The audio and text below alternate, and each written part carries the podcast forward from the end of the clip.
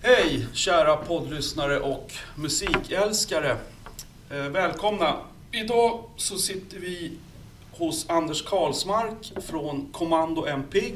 Eh, Hej Anders, Tjena mors, hej hej. välkommen. Tack tack. Eh, Vi sitter i eh, Huddinge kulturhus idag. Ja, vi sitter i Huddinge kulturhus hos Folke som det numera heter. Hur kommer det sig att vi sitter här? Jo, det är så att jag är... Det finns en förening som heter Föreningen Huddinge kulturhus och jag har- är ganska nybliven ordförande i den föreningen sedan ett halvår. Och sen så har jag väldigt bra kontakt med de som driver restaurangen här i huset eh, via musikspåret också. Okej, så det, Så att det, det är det här jag hu- håller hus och gör olika arra- musikarrangemang och är konserter och... konserter. Det kan vara poeter, det kan vara whatever, inte bara musik. Men Mm, det är ditt eh, jobb numera. ja, det tycker jag. Ja, Bland annat ett utav ja, mina uppdrag så att säga. ja. Och du bor ute i Huddinge nu för Mm. tiden? Jag bor några kilometer utanför Huddinge centrum, ute i skogen. Ja, Skogarna runt Huddinge. skönt. Ja, det är skönt. Eh, Jag brukar ta en liten koppling till gästen, om det nu finns någon. Eh, Och den, det är lika bra att ta den på en gång. Eh, Vi är ju båda eh, basister och också duktiga tennisspelare. Ja, ja visst. Ten- tennis är en av mina stora passioner. Ja, och det, jag spelar ju också. Så Ja, jag har sett det. Ja. Det var på Facebook. Ja. ja okej. Så att, hur länge spelar du? eh, Du spelar varje vecka? Ja, nu spelar, hela sommaren spelar jag och lyckas faktiskt knipa klubbmästerskapstiteln där jag bor. Okej, Huddinge TK. Nej, utan eh, det heter Glade Kvarns Tennisklubb. Ja, så du tävlar ibland? Ja, för f- tio år sedan så tävlade jag som bäst var jag uppe i division 3 Okej. och var typ rankad 50 i min ålder tror jag, Ja, tio år sedan. fan vad kul. Och då körde jag stenhårt, alltså helt tokig. Ja. ja tennis är ju suveränt alltså. Jag spelade i Mälarhöjden många år. Ja, okej. eh, I, I min åldersklass. Spelade... Nej, så att basist och... Vad jag kom ja. fram... Gitarrist får vi inte glömma, för att det egentligen börjar som gitarrist. Ja, Så att det, det är också ett av huvudinstrumenten. ja, precis. Men ba, bas, ja. Bas och tennis, det är en koppling. Ja, det är en koppling. Alla de där McEnroe. Ja. McEnroe är ju en klippa på spelgitarr alltså. Ja, jag såg något klipp med McEnroe Jo. på YouTube. Ja. Där han kliver in i något band. Jo, men han, han var ju i Stockholm då för en, några år sedan och, och när Pr- Chrissy Hind gjorde en platta, soloplatta, Ja, då kom ju McEnroe in och la ett solo på den. fantastiskt. Fick jag höra utav ljudteknikern. Där ser vi, det finns kopplingar. Ja, John McEnroe lägger gitarr på Chrissie Hynde från Pretenders. ja Eh, det var en koppling, tennis och musik. definitivt. Jag vet bara en till som, som är som du och jag. Och det är Okej. Martin Sköld från Kent.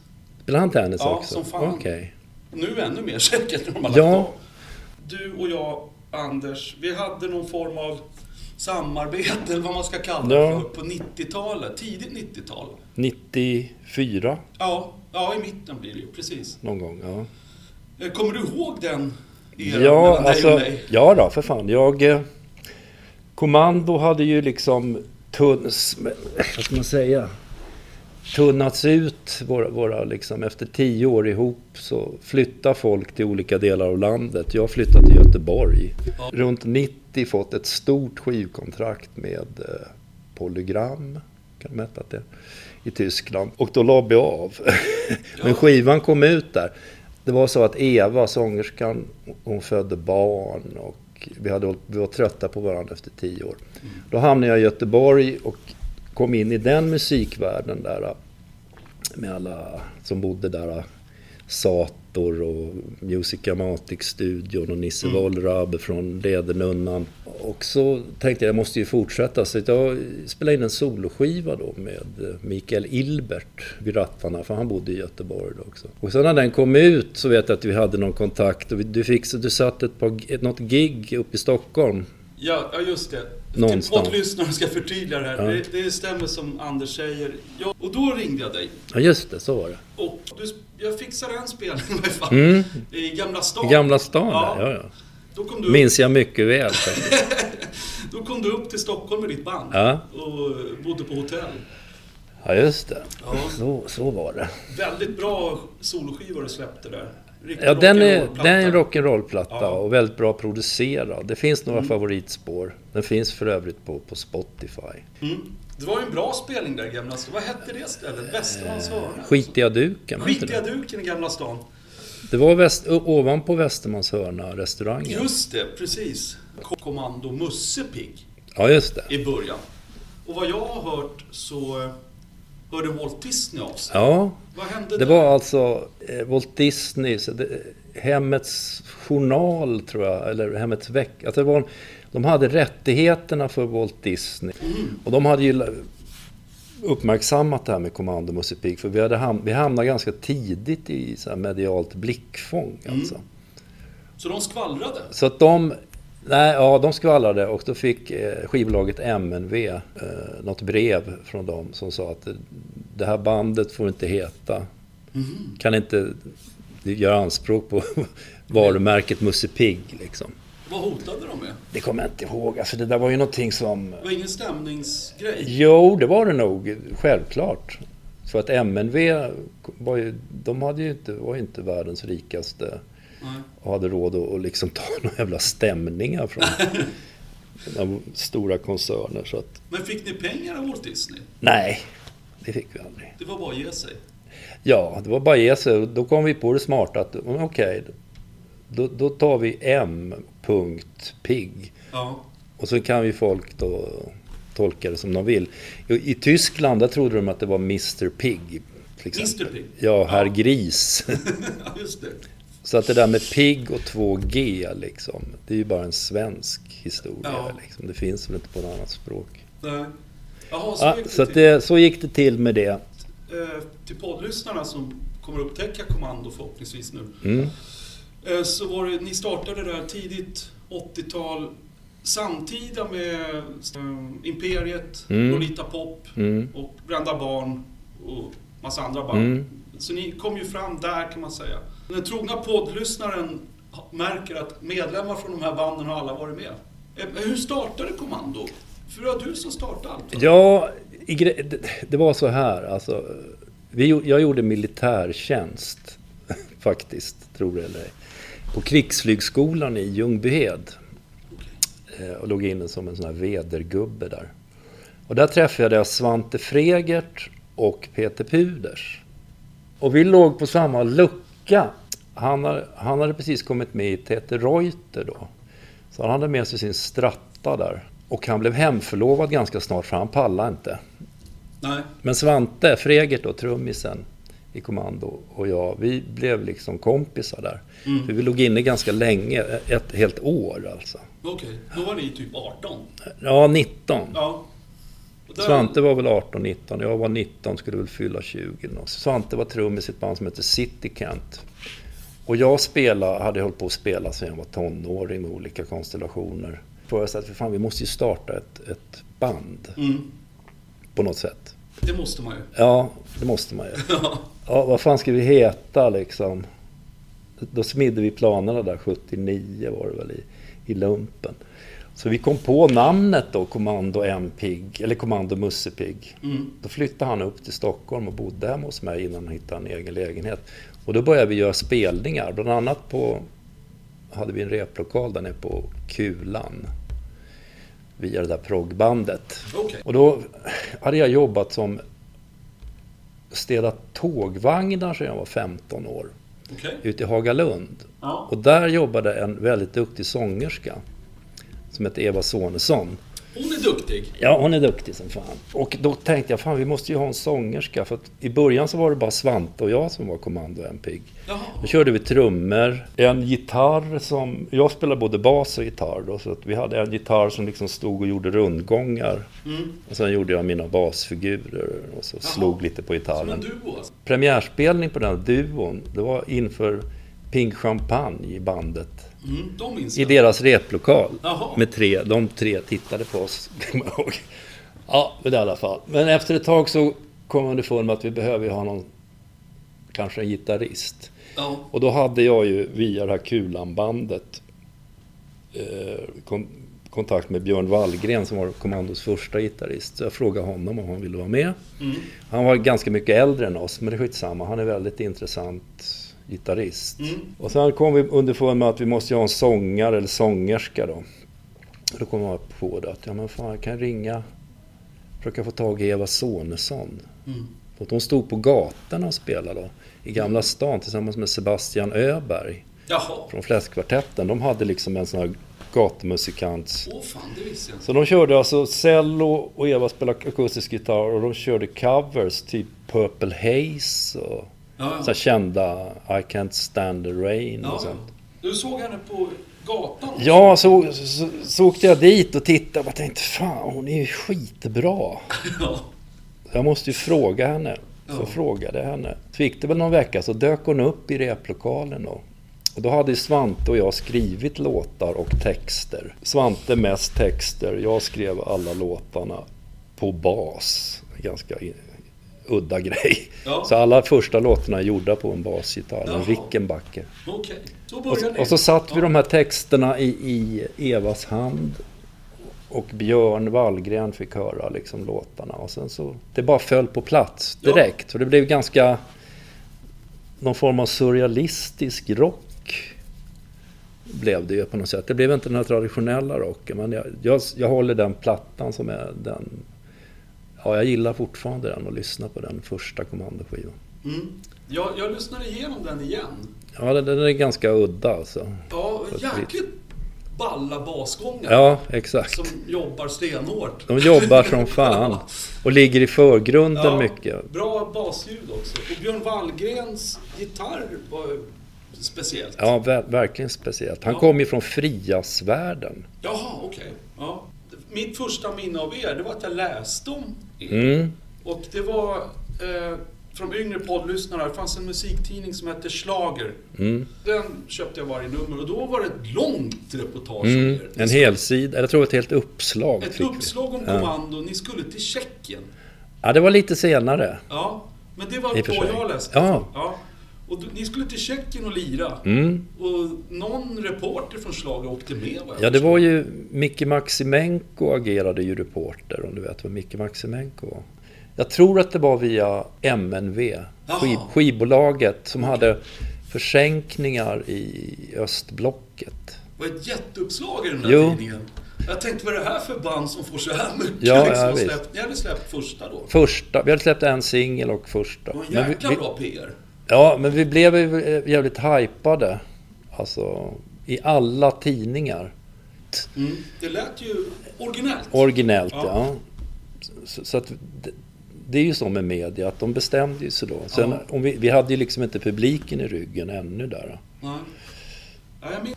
Nej, sen var det så att Peter Puders flyttade upp till Stockholm tidigt 82. Och vi fann varann ganska snart och blev så här polare och hängde på, på krogen sex dagar i veckan. Liksom. Mm. Och efter ett tag så tänkte man, och då hade det här med, eftersom första kommandoskivan var ganska svårlyssnad, så blev det, det blev ju liksom ganska smalt. Så det blev svårt att hitta gigs liksom. Jaha, okej. Men ni hade bokningsbolag? Ja, vi hade ju sam, Samligan hette det. Och, och den musiken, det var till för, alltså den blev väldigt nischad. Mm. Så den gick, den gick inte hem på vanliga rockklubbar, alltså, märkte vi efter ett tag. Så att, Nähä, okej. det blev ett Så lite bra. antiklimax. Okej. All den där uppmärksamheten. Ja. Men det, f- sen följde liksom ett antiklimax. Och då t- fick jag en idé att fan, man kanske man borde utveckla det här eh, kommando och, och försöka göra det lite mer lättillgänglig musik. Mm. Och då när Peter Puders hade flyttat upp eh, från Lund till Stockholm och han skulle egentligen börjat spela, provspela med Dag Wag. Jaha, vad hade hänt med Peter Reuter då? Hade de lagt ner? Ja, ja, de låg väl liksom... De Ja. låg på is där, tror jag. Det Jag, var vet, också jag ett kan inte... legendariskt band. Peter Ja, ja, Reuter. visst. Exakt. Dagfag skulle han Ja, lira med. ja visst. Jävlar. Vad hade de? Ben och Sen och... eh, Nej, då, jag tror det var in, Silversurfaren? innan eh, Ben och Sen kom med. Okej. Men det blev inte så att han kom med därför de tog med eh, saxofonisten istället, Bosse. Då sa jag, eller då sa jag till Peter, fan du kan, kan inte du hoppa med i kommando? ja, vi kan ju testa. Så då gjorde han och jag, alla låtar som är på den här Mot stjärnorna-skivan, Mm. den satt vi och, uppe i en lägenhet och, och plitade ihop musiken till. Och Svante och jag skrev texter. Och sen, tänk, sen var Björn Wallgren även med i början. Mhm, Okej, Men sen fick han så mycket att göra med, med sitt, han, var, han är arkitekt. okej. Och, när vi, och vi var ju unga och ville ut och turnera och han hade inte möjlighet. Nej. Så att han liksom, ja, gick ut till vänster där på något sätt. Och sen mot Stjärnorna-skivan blev ju då vår- någon slags genombrott eh, publikt. Mm. Och även den fick väldigt bra så här, recensioner. Och Och mer spelningar blev det. mycket mer spelningar, alltså Roskilde var väl en av höjdpunkterna. Mm. Verkligen fastnade för, för den skivan. Ja, mot Siktade på stjärnorna, den. ja. Jag och alla mina polare. Mm, jo men den, den slog igenom publikt liksom. Vi- Då helt plötsligt fick vi tio gånger mer folk på våra gigs Ja, än innan. jag upptäckte ju er live. Eh, Det kan ju vara värt att nämna som en musikhistorisk grej. Ni skulle spela på Mariahissen. Mm, En, Okej. en rockklubb på Södermalm på, ja, på 80-talet. jag minns det faktiskt inte. Ja men skitsamma. Nej. Ja, Eh, Men Mariahissen minns du? ja, ja Maria Ja. Hissen, där hängde jag ju. Eh, Och ni spelade sist. Okej. Och jag hade aldrig sett det live och hade inte hört så mycket på första plattan. Nej. Däremot så Sikta mot stjärnorna hade jag hört. Eller mot stjärnorna. Ja. Eh, och det var ju svinbra. Och Mm. så, på den vägen var det. Eh, vad hade ni för influenser egentligen musikaliskt? Ni, ni hade ju ett eget sound ganska snabbt. ja, ganska där. tidigt ja. Vad lyssnade För, ni för på? första skivan vet jag egentligen inte var influenserna kom ifrån. Eh, om jag ska vara ärlig. Men sen när Puders kom Men sen när andra- Puders kom med, då blev det ju... Då, blev det ju, då var det ju U2, U2 Ja, just det. hade ju precis gjort något gig och var med på Måndagsbörsen tror jag. Ja, de spelade I will follow och... Ja, Och, Ja, det var ju Eleven di- O'Clock TikTok kör de också. ja just det. Och The Edge, eh, hans gitarrsound där med mycket ekon och... Roland förstärker. ja, Roland Ja, jazzkorus. jag skådis. Och så där Roland space-ekot Ja, liksom. Space Echo. Det gillade Puders då? Ja, Eller, ja. så att han, han tog ju till sig det. Och det var väl den här postpunk, jag menar om man lyssnar på John McGee och från Susan the Mm. Banshees. Mm. Och Han var ju YouTube, otroligt bra gitarrist tycker jag. Ja, ja, just det. Ja, det var han. Så att där, där hamnar vi, det blir väl mer, det blir mer att vi hamnar i tiden där på något sätt. Mm, mm. Med just det där gitarrsoundet. Så att det fyllde ju faktiskt upp. Man behövde inga mer instrument. Det var liksom bas, gitarr och trummor. Ändå lät det väldigt mycket. Ja. För- För den låg ju i stereo liksom. Ja. Jazzkorus, den var ju i stereo. ja, just det. Okej. eh, Så att, men här, Svante är ju då en, en litterär, väldigt bra både poet och författare och allt möjligt. Så sen skrev han mer texter då. För att jag, jag, Ja. vet inte, jag var mer intresserad av att s- syssla med musiken och arrangemangen och göra låtarna där Mm. efter ett tag. Vill aldrig Eva skriva texter? Hon skrev en text på den första skivan tror jag. Och sen så skrev hon två texter på den röda skivan. Den här, en låt som heter Under min hud. Mm. Som är en av de populära låtarna från den Mm. skivan. Den, den texten skrev jag. Okej. Som han, han var liksom bäst på Ja. ordvränger och ord. Han Okej, vad roligt. var så bildad. Ja. Det är inte så vanligt att trummisar gör texter, så det, det var ju fräscht. Ja, ja verkligen. Eh, sen, sen blir ju ni där, eh, ja men hyfsat stort band liksom. Ja. Och spelar på de stora ställena. 85 ja. Ja, Time Beats. Time Beats. Ja, den Exakt. tycker jag är asbra. Ja, den är välproducerad på något Ja. sätt. Min följdfråga blir ju naturligtvis, ni hade tankarna på utlandet Ja. när ni släpper en engelsk platta. Ja, definitivt. Ja, hur, eh, var det Tyskland som gällde i första hand? Ja, det var ju Tyskland som var via MNV på något sätt intresserad utav svenska band. Mhm. Och då Svante han hoppade av för att utbilda sig till journalist 1984. Just det, ni bytte trummis. där, Ja, kommer och jag då ihåg. fick vi in en trummis som hette Robert. Och då, gjorde vi, då skrev vi ihop den här skivan på engelska med hjälp av en, eh, min dåvarande flickvän som hette Karin Fahlén. Vi försökte hitta något specialsound med den Vissa låtar blev jättebra. Ja, det är nä nästan min favorit. Ja, Detta okej. Time Beat. Otroliga. Ja, men då nappade tysk, eh, en tysk skivbolag och manager på det där. Så att då åkte vi dit och gjorde promotion först. Det var ganska kul. Liksom. Man fick åka runt och dricka såna här paraplydrinkar. Bli intervjuad, du vet. ja, Det var så här drömgrej, liksom, flyga dit. ja. Och sen eh, nästa sväng, då skulle vi spela live. I Tys- en Tysklandsturné. en Tysklandsturné och då hade vi kört, men det, hade, då liksom, det gick något år där och då han, den här Robert, han, han, jag vet inte om han hoppade av eller hur fan, jag kommer inte ihåg hela den historien. Robert, han är tyvärr död nu också, har jag Ja, för några jag tio såg det. år sedan. eller Ja. något. I kön på Rish så stötte vi Peter och jag på Anders Härnestam. Anders, ja. Ja. Och då, då sa, frågade vi honom, fan vi ska till Tyskland och lira. Eller, Kan inte du, eh, har du lust att följa och vara med, kommando? Ja. Så blev han med, sen var han ju med till the bitter, bitter end. Ja, vi pratar alltså om ett trummisbyte. Anders Härnestam som hade varit med i De Dummaste Mm, från början, de Ja. dummaste. Och, och gick med i Kommando och spelar ju fortfarande. ja, nu Men- lirar han ju med, med herr, herr Thåström ja, Ja, det gör han. så rätt länge. Och Weeping Willow ska vi inte f- Whippy glömma. Willows kanske man ska nämna också. Ja, absolut. Det är Ja. väl Anders hjärteprojekt, har jag Ja. förstått. Ja. Han har spelat med Winnerbäck också. Anders Härnestam på trummor kommer in i Kommando. Mm. Och sen, hur gick Tysklandsturnén? Ja, de, det blev ju turnerande där från 86 till 90, fyra år. Mm. Och det gick alltid väldigt bra. Det var väldigt absurt alltså. Men vi hade så här 30 gig på 32 dagar och sånt där. Det är sånt där som man läser om. Ja. Folk har. ja, jag har också haft det i Tyskland. Ja, exakt. Man är rätt mör när man kommer hem. Ja, eller hur? Så man är, liksom helt befinner sig på en annan planet. Så man kommer hem och undrar vad fan vad som hände liksom. Ja. Men det, det var så här, i ba- i backspegeln så var det väldigt roligt. Där, Så vi- time, ja, time Beat-plattan, den snurrade på där. Ja, Ja. den, Eh, den snurrar på där i och Tyskland. Sen, jag vill minnas att ni... Eh, hur många skivor blev det på engelska? Det blev väl t- två till Ja, precis. Battle of This Week. Så det blev två plattor till. Ja, Battle of the Week, ja precis. Battle of This Week, ja. This Week. Den var också väldigt bra. Ja, den är välproducerad. Ja. Där var Mikael Ilbert inblandad igen. då. Ja.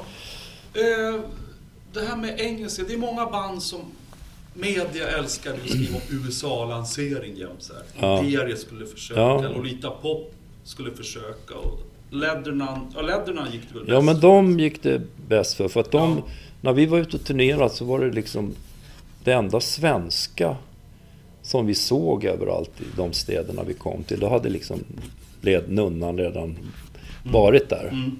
Ja, men de Så tror jag de, gick för bäst. de fu- funkade ju jävligt bra på för vad Ja. jag förstår. Jag, jag minns att efter Time Beats och mellan den här eh, Battle of This Week Mm. så släppte ni också en svensk platta till. Mm. Shushan Boy och Ja, just eh, det. några till. Och den gjordes i dubbla versioner då, en engelsk och en Mm. Ja, precis. Det var därför jag hade en... Svensk många- version. Ja. Eh, V hette den. just det. Den tyckte jag var bra. V- Var, alltså, d- Time Beats är på engelska. Mm, Och sen kommer en svensk. mm. Och sen kommer en engelsk till. Ja, Hur, just det. hur, hur gick det med den här V-plattan? Den tyckte jag var Ja, Det gick, det underskattad. gick väl sådär. Ja, den var ju underskattad. Vad jag kommer ihåg så är den så här äh, jobbigt proddad. Den är jävligt rörig. Så här. Det finns en del jävligt bra låtar. Ja, oh, en som ja. heter Väck mig, Ja, mycket bra. som jag har gjort faktiskt. Och Det var den, väl en den, singel, ble- va? ja, den blev en singel. Jag kommer inte ihåg vad den hette på engelska nu. Men det, det var en jävligt bra låt. Och den efterskott, jag tycker den är stel och jobbig att lyssna på. Så här. det är lite, Okej. Ja, det var, det var någon sån här mellan... Jag tror vi i bandet var ganska Det kom så att Den, trötta. blev, den blev på svenska. Efter Ja, det var väl Time för att försöka hitta nå- tillbaks till någon svensk publik. För att eh, plattan på engelska, det, det dök ju försäljningsmässigt. Alltså att sälja plattor i Sverige gick inte med den där. Nej. Men trots allt fick vi ju komma ut i Europa. Mm. Ja, visst. Vilken som är din favoritskiva med Kommando? Ni gav ju ut ganska många ändå. Mm. Det är nog den senaste Ja, som heter När de dumma har fest och den kom ju 2005. 2015. Ja. Ja, Den är väldigt välgjord tillsammans med producent som heter Nille Perned. Alltså det, ja, den är jag väldigt stolt över. Den, Ja. den är ju ganska färsk. mm. Tyvärr så finns ju inte Peter längre, Puders. Utan han avled ju för en månad sedan. ja jag såg Så att det är ju väldigt... Ja, det har fortfarande inte sjunkit in riktigt. Nej. Att han bara är borta liksom.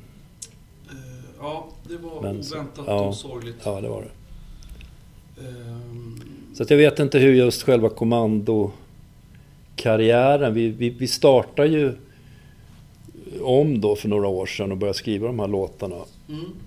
Och då var det ju tänkt att vi skulle f- fortsätta nu och hålla på tills man liksom Mm. Jag lägger förstår. näsan i, i vädret. Och vi pratar mycket om det. Och nu vet jag inte hur, hur det går men Han är svår att ersätta Puder. ska ja, jag tänka det, mig. det kommer ju inte gå. Nej, han liksom. var ju så enormt eget sound. Ja, det, det, det liksom känns inte, det känns inte som att, att det finns en framtid för Kommando och MPIG. Men man ska ju liksom aldrig säga aldrig. Man- det- När saker och ting lägger sig. Man, det beror på om Eva har lust att sjunga och sådär. Du vet, man kan göra något. Mm. Det, det, det blev ju ett break där. Eh, Om det var 1990 va? Som Ja, ni- 1990 Så gled då ni- rann det ut i sanden. Då flyttade jag till Göteborg. Hur kom det att du valde Göteborg då? Denna Ja, det härliga var- musikstad. Ja, Ja, men det var ju det gamla vanliga. Jag träffade någon där. okej. Klassiken. Klassikern. Ja, så flyttade du. Och sen efter ett års eller halvårs, ett år kan det vara, pendlande. Jaha, Så var tänk, du kvar? ja, jag hade kvar lägenheten eh, inne i stan. Och sen blev jag kvar i Göteborg i, eh, i sju år och fick barn där. Och, Mm. ja, kom in i och träffade alla fina musiker som finns i Göteborg och lärde känna. Mm, mm. Jag hade ju mycket tack vare att Kommando hade ju spelat mycket där. Att jag liksom hade en krets av människor Mm. som jag i stort sett halvkände eller var bekant med. Så att Mm. det var inte svårt att komma från, som stockholmare. Nej, nej, nej. Även fast man fick mycket pikar så här i början. Jävla stockjävel. Ja, det får man höra. Ja, men då, var, då var det ju bara liksom, okej, vad, kungen, Globen, Tricken. då är det, men jag hamnade i bråk flera gånger, men det blev aldrig något allvarligt. Men Nej. sen så efter några, ett par, tre år där, så blev- var man ju accepterad, även fast man var stockholmare. Ja. När jag tänker Göteborg på 90-talet, när du flyttade dit, Mm, då tänker jag Sator och Soundtrack of Our Lives. mm. Som var... De hade väl inte startat ännu riktigt. De startade väl inte förrän 96 eller något. Soundtrack. De hade ju Union Carbide, Ja, just det. Precis. Ebbot och dem. Men Sator-killarna eh, Oh, och du. Psychotic Youth. Ja, just det, de Youth snabbt. från eh, Östersundsgrabbarna med Gunnar Frick och Jörgen och de här. Ja. ja, de kanske man ska nämna också. The Leatherman i Göteborg. Ja. De var väl störst av alla där egentligen. Ja, det tror jag om om man bortser från Nationalteatern och Ja, de jo. gubbarna. Ja. Den här soloskivan han gjorde 94, ja, det var det jag skulle fråga om. den var Nisse väldigt involverad i. Mm. Gitarrist. Ja, gitarrist från Leaderman. Hur blev det sen? Du, du, släpp, du har ju släppt soloskivor efter det, men Mm. just när den kom 94, Mm. när jag ringde dig, då... Eh, vad hände sen rent... Eh, Musikaliskt. ja, alltså soloartist... Ja, soloartistprylen, det höll väl i sig något efter skivan kom något år. Jäkligt bra skiva alltså. Ja, den är bra. Och Jag gjorde en del gigs och var med på radion och fick ganska bra med uppmärksamhet och bra recensioner. Mm. Och sen var det, är det ju här att det är jobbigt att vara soloartist. På ett sätt för att då har man ju inget band. Då måste man hela tiden hålla i allt. Och... Ja, ja, ja. sätta ihop ett band och jag höll på att experimentera fram och tillbaks. Jag hade inte hittat min egen Nej. röst. Det var väl mest det jag kände att det Mm. var lite... Men det blev ingen... eh, Det kom inte ut någonting Nej, det kom där inte ut direkt speciellt efter. mycket. Nej, det gick ju hyfsat så här ett tag. Jag har för mig att du sa att skivbolaget konkade. Ja, det gjorde de ju ja. Ja, det är ju ett jävla... Bolaget där, ja just det. Släppte han till Jo men den? så var det ju. Vi hade, ja, just det, det var ett skivbolag där nere i Göteborg som gav ut det. Arda. Arda Records, så var det. Och de gick i putten, eller mest publik... vad heter det, radiomässiga låten på plattan. Mm. Den, fast, den blev aldrig uthämtad från postkontoret. Det Okej. var så här skitjobbigt. Ja. Så det bidrog väl till att det inte blev eh, något mer på den fronten. Men sen höll jag ju på att harva runt. Vi hade ju band där nere i Göteborg. Ett som hette KMFLR som är, Mm. blev så här kultigt som Peter Birro bara älskade. Mm. Bildade ju ett projekt, nu ska jag uttala det rätt här, du får Mm. rätta mig om jag uttalar det fel. The Fictions. The Fictions, ja. Fictions. ja det är egentligen heter det Defictiones Ja. på fr- franska är det väl, eller vad det kan vara. Ja, och det bildade Och det- du. Tillsammans med Maja Devesca 2011, kan det ha varit det? Hon sjöng i Chesty Morgan va? Ja, ja. Orkester Kerstin Morgan. ja. Du startade en duo där, Ja, för det är bara ni två var det är jag. bara vi två. Berätta vi- lite om hur det gick till. Ja, jag vet inte hur vi stötte ihop. Det var nog på något gig någonstans. Det var något punk... Punk and Replay tror jag på Mosebacke. Mm. Ja, men hon, hon, hon ville liksom blanda rock eller operaarier med rock eller punk. Mm. Intressant. Så att vi gjorde bara ett, som ett experiment. Har ni förinspelade trummor? Ja, vi hade det då. Eller- Jag, jag satt i min studio Ja. och prodda med olika Men trummor du och, spelar sampling- gitarr? och spela elgitarr Ja. där. Just det. Och sen så när vi uppträdde, eller uppträdde ju, vi skulle li- lira om ett par veckor på ett ställe. Mm. Då kör vi med backtracks eller bara elgitarr och operasång. Mm. Jag måste ju se er snart. Ja, Ja. ja det, vi har spelat en hel del faktiskt, särskilt my- på te- teatrar. Och här ute i Huddinge har ni Ja, här har vi lirat och sen har vi lirat på Galeasen, vi har lirat på Teater 3, vi har lirat på alla s- Teatertribunalen, eh, Moment Teater, alltså just de scenerna. Är det ett liveprojekt eller ett skivprojekt? Ja, det är ju det är ju ett liveprojekt. Sen att det blev en skiva, det var väl för att jag var så manisk på att spela in i min nya studio där. va. Ja, du har en egen studio? Ja, jag har en egen ja studio. skönt. Och eh, jag menar, det blir ju som det blir när man inte har de opt- Men det, lå- den skivan låter ganska bra. Mm. Vissa låtar särskilt. Ja. Så att, eh, Jag kommer så fort ni Mm. spelar lite närmare stan. Ja, ja, jag har visst. blivit så bekväm med ja, åren. det, det är någon sån här fest vi ska spela på den 21. och Jag tror att det är, det är någon sån här... eh, Det är något konstnärs, ett konstnärskollektiv, Cirkus Lokomotiv, som, som ska ha någon avskeds, avslutningsfest på någon lokaler. Så det är väl inget publikt arr. Nej, jag förstår. Men det kommer. Det kommer. Ja, det kom ju. Eh, jag tänkte höra med dig. Det, det projektet, det, det är ju konstant. Ja, det, det rullar på. Vi, Ja. vi, vi tar de gig. Vi åker runt och spelar Mm. när vi kan. Och det har hållit på, hållit på med i några år nu. Jag tänkte ta några allmänna frågor. Vilken är den mest musikaliska person du har spelat med och mött genom åren? Det finns ju flera. Mest musikaliska. Svårt att välja en. Ja, det är väldigt svårt alltså. Ja, Jag får, ju- jag får ju hålla Peter Puder som, eh, som en av dem. eh, Och hedra hans minne med det, för att han har betytt otroligt mycket. Han, han, han var ju en musiker med väldigt stark integritet och väldigt stor personlighet i sitt... eh, Men han, han hade också en väldigt stor musikalitet. Hur menar du med integritet? Ja, att han... Han ställde sig inte och körde Smoke on the Water och sånt. Alltså, om du förstår. Det var svårt för, att få honom att... Blues hatade han, Ja. vilket inte jag gör då. Ja. Men alltså, att det var svårt att styra in honom på något spår som han själv hade tänkt sig. Jaha, du menar så? Så att Okej. han, han var väl, hade en stark integritet på det han Ja, skapade liksom. okej. Han la alltid till en, en väldigt personlig touch Ja, du menar så? Så, Okej. att, så att jag måste väl hålla honom som väldigt musikalisk. Han gjorde ju också Tåström, kommer jag ihåg. Och han var med på en Ulf Lundell-skiva Ja, också. exakt. Mycket anlitad. Ja, han var anlitad som, som gitarrist där. Den här producenten vi, vi jobbar med, med Kommando, som jag har känt ända sedan Göteborgstiden, han heter Nille Perned. Nille Perned, det Ja. känner jag igen. Mm. Han jobbar med Kent också. Med Kents Ja. första skiva. Han är nog en av de mest musikaliska personer jag har träffat. På. Nille Perned, Ja. producent. producent. Och det, det menar jag, för att han, han, otroligt öra alltså. Mm. Och sådär som, man, sj- som jag inte hör, som jag Mm.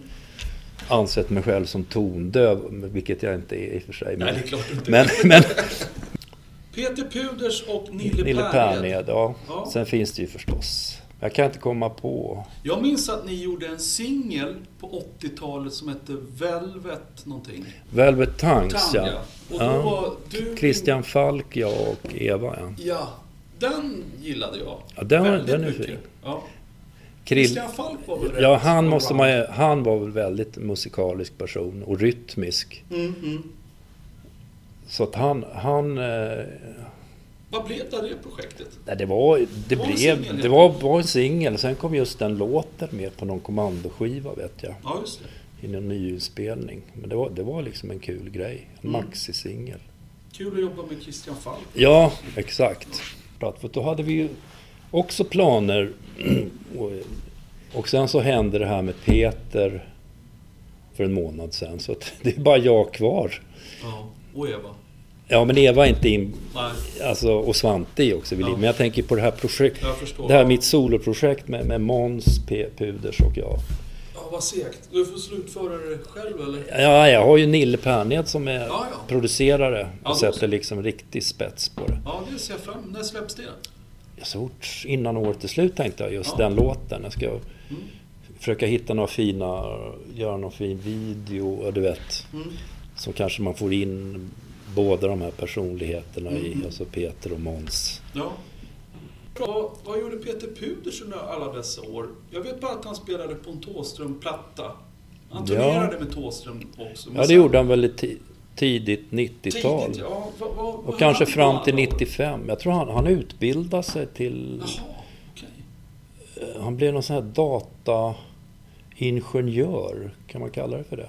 Ja, Han, han sysslade med att lägga upp nätverk. eh, Han, blev någon, ja, han gick på hö, i Lund alltså, och blev akademiker. ja, han lämnade musiken. Ja, Ah, Kan han, man han säga. fick ju... Alltså, det- då var jag... Han hade grav tinnitus av alla de där åren med. Jaha. Ja, Jag tror han- gitarrstärkarna. Ja, du vet. Och jag tror det där Pitbulls... Ja, han var med i ett hörn där i Ja, början, tror och de spelade... Jag var och kollade på dem en gång. Alltså, det var så högt så att det gjorde ju ont i hela kroppen. jag. ja, de spelade högt. Så in i helvete. Jag såg Ja. dem i Stockholm.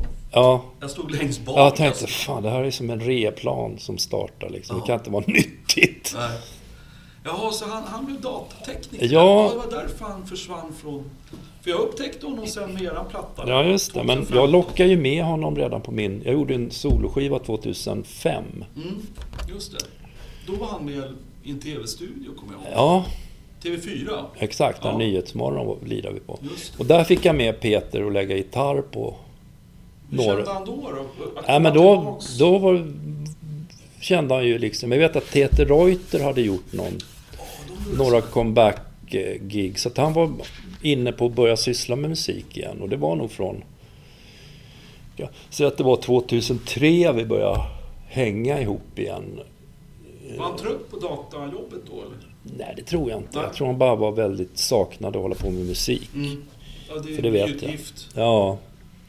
Och sen så 2004 där, sen så gjorde jag min soloskiva och sen så började vi snacka om, ska vi inte göra liksom en, en kommandoplatta? Okej.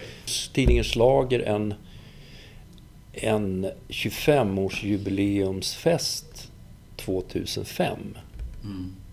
Det hade på, de, ja. på Debaser på Medis. Ja, just det. Och där var det massa band från 80-talet. Och då lyckades jag få ihop kommando. Och så var det någonting på Kulturnyheterna dagen efter, så här på P1. Och några artiklar. Ja, kommando. Det var några band, eller det var många bra band, men det var ett band som var bäst. Och det var ni? Ja, det var kommando. Ja, det det, är ju let, stort. det let ju liksom som att vi spelade och repade inför en världsturné, skrev någon journalist. G- Det, det lilla gigget på tre låtar där, så blev det ett gig varannat år. Hade han kvar sin eh, Stratocaster Nej. Sunburst? Nej, Nej. den tror jag han sålde på... Ebay? Nej, det vet jag inte. Men jag tror den försvann redan på 80-talet. Nej, han spelade med den på Thåström. Alltså okej, då Kanske försvann det. den på 90... Då sålde han den på Ja, men 90-talet. han hade alltid samma gitarr. Jo, nej men sen så Det körde tyckte han jag ju var med coolt, alltså. Halkan Halkan-gitarrer gitarrer, som Halkan byggde, du vet. Ja, okej. Eh, Och det kanske var från mitten på 90-talet. Ja. Eh, Vi, vi pratar ju mycket om Peter Pudersen, men det är inte så konstigt. Det är Nej. en av de bästa gitarristerna som jag har hört. Jag var en av mina bästa vänner Ja. också. Och En musikalisk förebild och någon som jag har gjort musik med i 35 år. Ja. Så det är inte så jävla konstigt. Det har, det har varit ett stort, en stor chock från början. Det är svårt, jag har fortfarande svårt att greppa det här med att... Mm. Ja, men att personer i ens närhet dör, föräldrar. Mm. Det har man ju varit med om och sådär. Men för min del så har nog aldrig en sån här nära vän. Du kände Olle Ljungström lite grann? Nej, bara ytligt. Yt- ytligt, ytligt, över bara. borden. Ja, typ. Det Ja, var som jag många andra gjorde. Ja. Aldrig, inte mer personligt kände Nej, jag mig inte. nej. Men tiden, Tom Petty i- häromdagen. Mm. Det Och alla andra rockmusiker liksom, musiker som inte ens är 70. Ja, de är för unga alltså. Ja, Prins var 57. ja jag Jag... är Petty var bara 66, år. 66, det är ju ingenting. Nej, och hjärtstillestånd var det väl. Ja. Eh, vi närmar oss en allmän fråga. Två allmänna frågor. Mm. Eh, dina genom tiderna favoritskivor, tre stycken om du har några sådana. Men Den, det förs- brukar man den ha. första kan jag säga direkt. Ja, trevligt. Det är Are You Experienced eh, med Med Jimi Jimi. Hendrix. Yes. Mycket bra skiva. Bra gitarrist också. Ja, och sen så är det faktiskt ett band som bara ja, alltid, ända sedan jag var ton, alltså 12 år. Det är Black Sabbath. ja. För att jag vet inte, Ozzy... Ozzy Vilken skiva av dem? ja, det är... Det är både, mest, det är nog Paranoid, men sen också Masters of Reality finns det väldigt fina låtar på. Alltså. Mm. Men det, är- det är de två, Paranoid får man Jimi väl nästan... Hendrix och Black Sabbath. Ja. Ja, Jimi Hendrix, Tunga Black grejer. Sabbath. Ja. Och sen måste jag ju vara lite modern också. Ta något från minne. Mm. Jag måste ju nämna Cure på något sätt alltså. De är svåra att komma undan Cure alltså. Ja, Vilket band. Ja, nej, det finns någon sån här live... Liveinspelning i någon studio när, alla, när de sitter med akustiska gitarrer och akustisk bas och sånt. Du, det är MTV Unplugged. Är det den? Ja. Om du tänker på Ja, det. De det, sitter på kuddar. ja de sitter... Ja. eh, Ljus och grejer. ja, det låter så jävligt... Det är så jävligt bra. En unplugged, fast de har ändå elbas, akustisk elbas är med. Och Robert Smith kör akustisk ura. Mm. Det måste vara samma du tänker på. MTV Unplugged. Ja. Sensation med Frank Zappa. Jag måste vara så gammal. Ja, Frank Zappa har gjort mycket bra. Ja, ja, men jag, Det var en dokumentär på SVT. ja, jag såg den nyligen. Ja, Jag menar, det är skivor som har betytt så mycket i min... eh, Tack vare att jag såg Jimi Hendrix på TV när han eldade upp sin gitarr på Monterey eller vad det var. Mm. Han sprutade någon tändvätska på det. Det var det som gjorde att jag, att jag, det här måste jag... Jag var helt fascinerad. Jag måste bara hålla på med det här. Mm, jag förstår. Så när jag satt och lärde mig spela gitarr eh, i pojkrummet istället för att göra läxor. Då var det till All Along the Watchtower, alltså Dylans låt. A, moll, G, F ja, och någonting och så... mer. Ja, just det. Och jag, jag kunde för mitt liv inte begripa hur de här olika lagren i musik fu- fungerade då. Hur Trummor och bas och elgitarr och röst. Hur, hur kan de liksom få det här till att bli en enhet? Ja, du vet, lager på Ja, visst. lager. Det är Dylan som har gjort den tror jag. Mm. Men Jimi Hendrix gjorde ju en Han gjorde ju en version. alltså. otrolig version. Ja. Dylan har ju en, på the, med liveplatta med The Band. Där finns ju en kanon live-version med All Along Watchtower med The Band. ja, den ska jag kolla. Jag älskar The Band. Ja, jag kom, ja, det Ja, var men han det- som gjorde att, man började spela, att jag började spela gitarr. Ja. Vi är Anders Karlsmark, det är Frank Zappa, Black Sabbath, Jimi Hendrix. Mm. Kanske någon Cure-platta har spelat. Ja, om man ska vara lite Ja. postpunkig. Så jag, jag har en viss fäbless för de där mörka Susan the Banshees och Cure och det och The Mission och Sisters of Mercy. Ja. Alltså jag vet inte, jag, jag, jag, bara- jag det- dras till det. Jag gillar hela deras koncept och Ja. alltså. jag gillar Marilyn Manson. Alltså när det blir lite... Dina tre bästa konserter du har sett. Ja, då vet jag en direkt och det är Gun Club på Ritz. Och jag vet inte man när ändå det hade kommit var. in. Ja, och jag stod längst fram på ett bord. Gun Club var ett stort band från... De var amerikanare va? Ja, de var jänkare Ja. från... Kommer de inte från Kalifornien? Spelade på Ritz i Jeffrey Stockholm. Lee. Ja. Jeffrey Lee Pierce. Ja, det var, det var någonting som tog totalt... Ja, det var så fruktansvärt bra. De hade en tjej på... Jag tror det var Jeffrey Lees fru som spelade bas. En japanska som såg... Ja, det var grymt bra. Eh, Gun Club på, på Ritz. Neil Young på... Inte Gärdet, utan det var för typ 10-15 år sedan spelade han Han har ju spelat på Sjöhistoriska med Pöljan. Ja, nej det var inte med Pearl Nej, Jam, nej. utan det var samma år som Pixies gjorde någon comeback. Jaha, okej. Ovanför Tekniska hög... Vad fan låg det? Var det bortom Tekniska högskolan? Ja, det var i alla fall... Och jag hade aldrig sett Neil Young live. Nej. Så att jag hade liksom inga... och Det var med Crazy Horse tror jag. Mm. Det då, var då svinbra. var en headline där. Då. Fan, jag måste ju ha sett någonting som jag gått igång på. Man springer, jag springer ju inte så ofta på konserter längre alltså. Nej, man Nej, jag måste väl säga... ja, För att hålla sig på den här äh, mega multistjärnsnivå så var alltså Bob Dylan och spelade i Göteborg 1990... Kan det vara 95 kanske? 96? Ja, han turnerar ju jämt. Ja, i trädgårdsföreningen. Jaha. Restaurangträdgård? Nej, det var ute i hus. Det finns en, ut, fanns en ut, utomhusscen där. Ja. Det var liksom 800 pers eller något, Ja. kanske. Och det var skit eh, jobbigt. Alltså. Han hade nog bredbent bluesband med sig. Jo, men det såg jag i Stockholm, den turnén. Alltså okej, ni- Ja. kan det vara 95, Ja, det var 96? riktigt. Han spelade på Lida ute i Huddinge. Ja, ja, där Någon ute. Lollipop. Lollipop, Ja, okej. då, då såg jag Bob Dylan, för det måste ha varit samma. Ja, det, Mycket det måste blues. det vara. Ja. Mycket Men blues. sen så, efter ett tag så bara f- f- drö- droppade bandet av scen. Och han eh, körde ensam akustisk gitarr. Typ Ja, det gjorde hitsen. han. Ja, det gjorde han. All along the watchtower och... Blowing in the wind. Ja. ja men då, då tänkte jag, okej. Han är ju liksom ett genius. Då var det ju bara...